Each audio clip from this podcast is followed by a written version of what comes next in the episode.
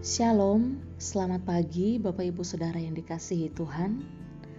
Ya, puji nama Tuhan di pagi hari ini kita akan sama-sama merenungkan firman Tuhan di pagi hari ini dengan tema ketika putus asa. Bapak Ibu Saudara, kita tahu bahwa kita sebagai manusia biasa pernah mengalami yang namanya putus asa atau mungkin dalam waktu-waktu dekat ini kita sedang dalam kondisi putus asa.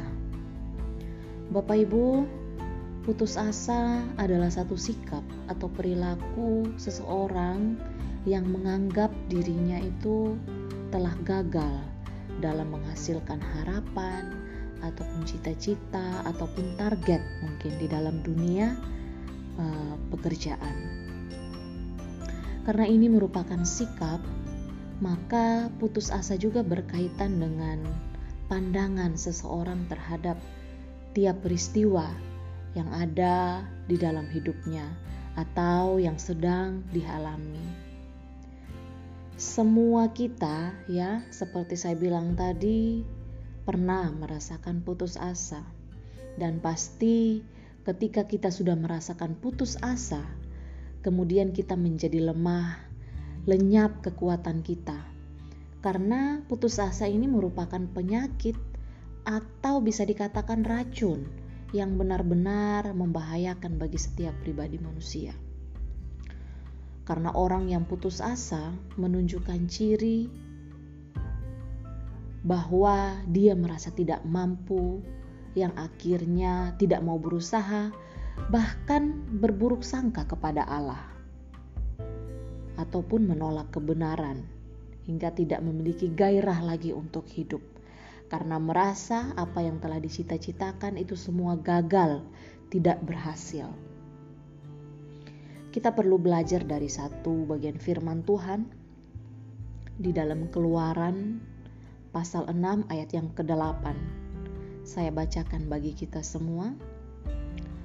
Lalu Musa mengatakan demikian kepada orang Israel, tetapi mereka tidak mendengarkan Musa karena mereka putus asa dan karena perbudakan yang berat itu. Bapak, ibu, saudara, umat Israel juga mengalami yang namanya putus asa. Doa mereka didengar Tuhan. Kemudian Musa dipilih Tuhan untuk membebaskan umatnya tetapi setelah Musa dan Harun berjumpa Firaun, justru kehidupan umat Israel dibuat makin menderita oleh Raja Firaun, ya. Kita tahu bersama cerita tentang itu. Nah, kondisi ini yang menyebabkan mereka berputus asa. Ya, sepertinya Tuhan tidak peduli kepada mereka. Mereka berpikiran seperti itu, berprasangka seperti itu. Putus asa menyebabkan mereka tidak mau mendengarkan Musa. Karena perbudakan yang makin berat yang dilakukan oleh Firaun sungguh membuat mereka itu merasa menyerah. Bapak Ibu Saudara, cara untuk mengatasi yang namanya putus asa kita harus memahami bahwa apa yang kita alami, badai hidup yang sedang kita alami ini pasti akan berlalu. Kita hanya butuh fokus kepada Tuhan.